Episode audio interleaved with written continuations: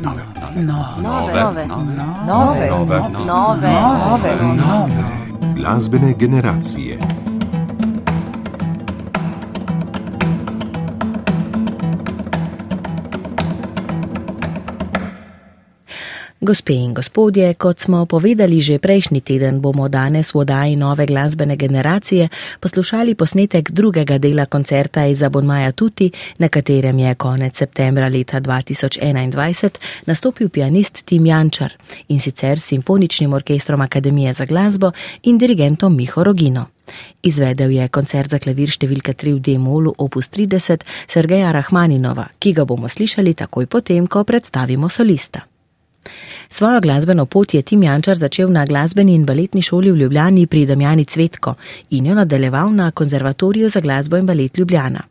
Magistriral je suma cum laude leta 2018 na Ljubljanski glasbeni akademiji pod vodstvom Tatjane Ognjanovič, potem pa se je opisal na podiplomski študij na Univerzi Mozarteum v Salzburgu, ga leta 2020 končal in se potem upisal še na študij na Univerzi za glasbo in upodabljajoče umetnosti na Dunaju. Je nagrajenec več državnih in mednarodnih tekmovanj. Na državnem Temsigu je leta 2016 osvojil prvo mesto in zlato plaketo. Na mednarodnem tekmovanju mesta Gorica je zasedel prvo mesto in dobil prvo nagrado. Na mednarodnem tekmovanju Janeza Matičiča prav tako prvo mesto in prvo nagrado v umetniški kategoriji. Za svoje študijske uspehe je leta 2013 prejel Škarjančevo nagrado Konzervatorija za glasbo in balet Ljubljana, leta 2017 pa Preširnovo nagrado Akademije za glasbo v Ljubljani. Preširnovo nagrado je prejel za izvedbo koncerta za klavir in orkester številka 4 Sergeja Rahmaninova s simfoničnim orkestrom RTV Slovenija ter za solistični recital v ciklu Piano Forte The Next Generation na Dunaju. V oddaji nove glasbene generacije pa bomo, kot rečeno, poslušali Rahmaninov četrti koncert za klavir in orkester. Ta je nastal leta 1909 v Dresdnu in je bil namenjen nastopom na prihajajoči koncertni turneji v ZDA.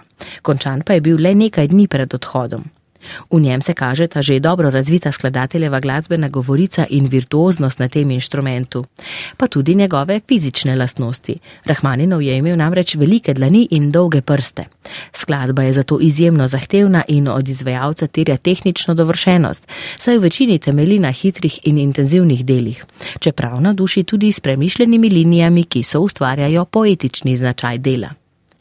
Stavki koncerta, ki ga bodo zdaj izvedli Simfonični orkester Akademije za glasbo, dirigent Miha Rogina in pianist Tim Jančar, so Allegro Manontanto, Intermezzo Adagio in Finale alla Breve.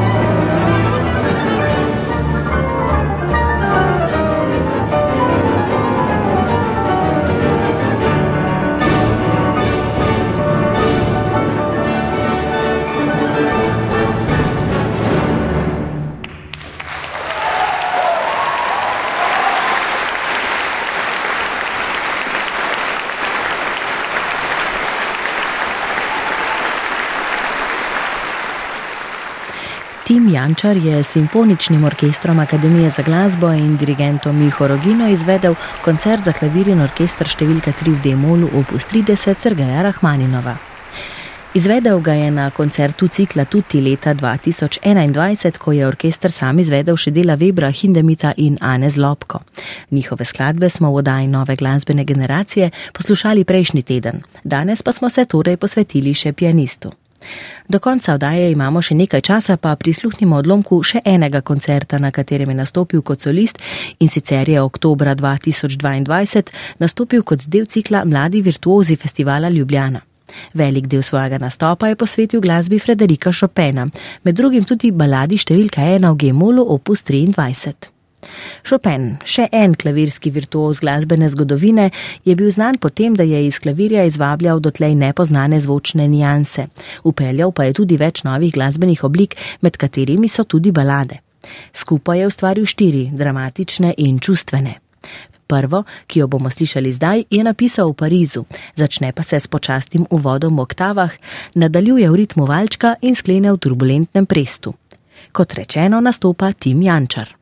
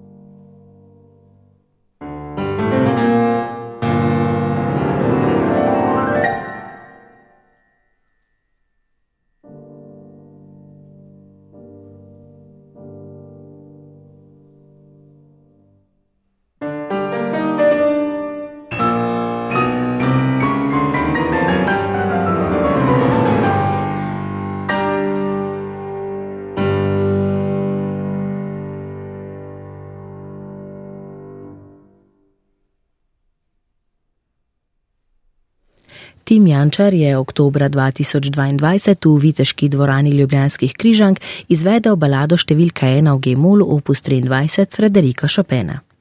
Pianistu smo posvetili današnjo oddajo nove glasbene generacije, ki sem jo pripravila Vesna Vovk. V njej pa smo poleg te balade poslušali še njegovo izvedbo četrtega klavirskega koncerta Sergeja Rahmaninova. Če ste oddajo zamudili, jo lahko v kratkem najdete na spletni strani programa Ars ali pa v svoji aplikaciji za podkaste. Hvala za pozornost, pa lep dan še naprej.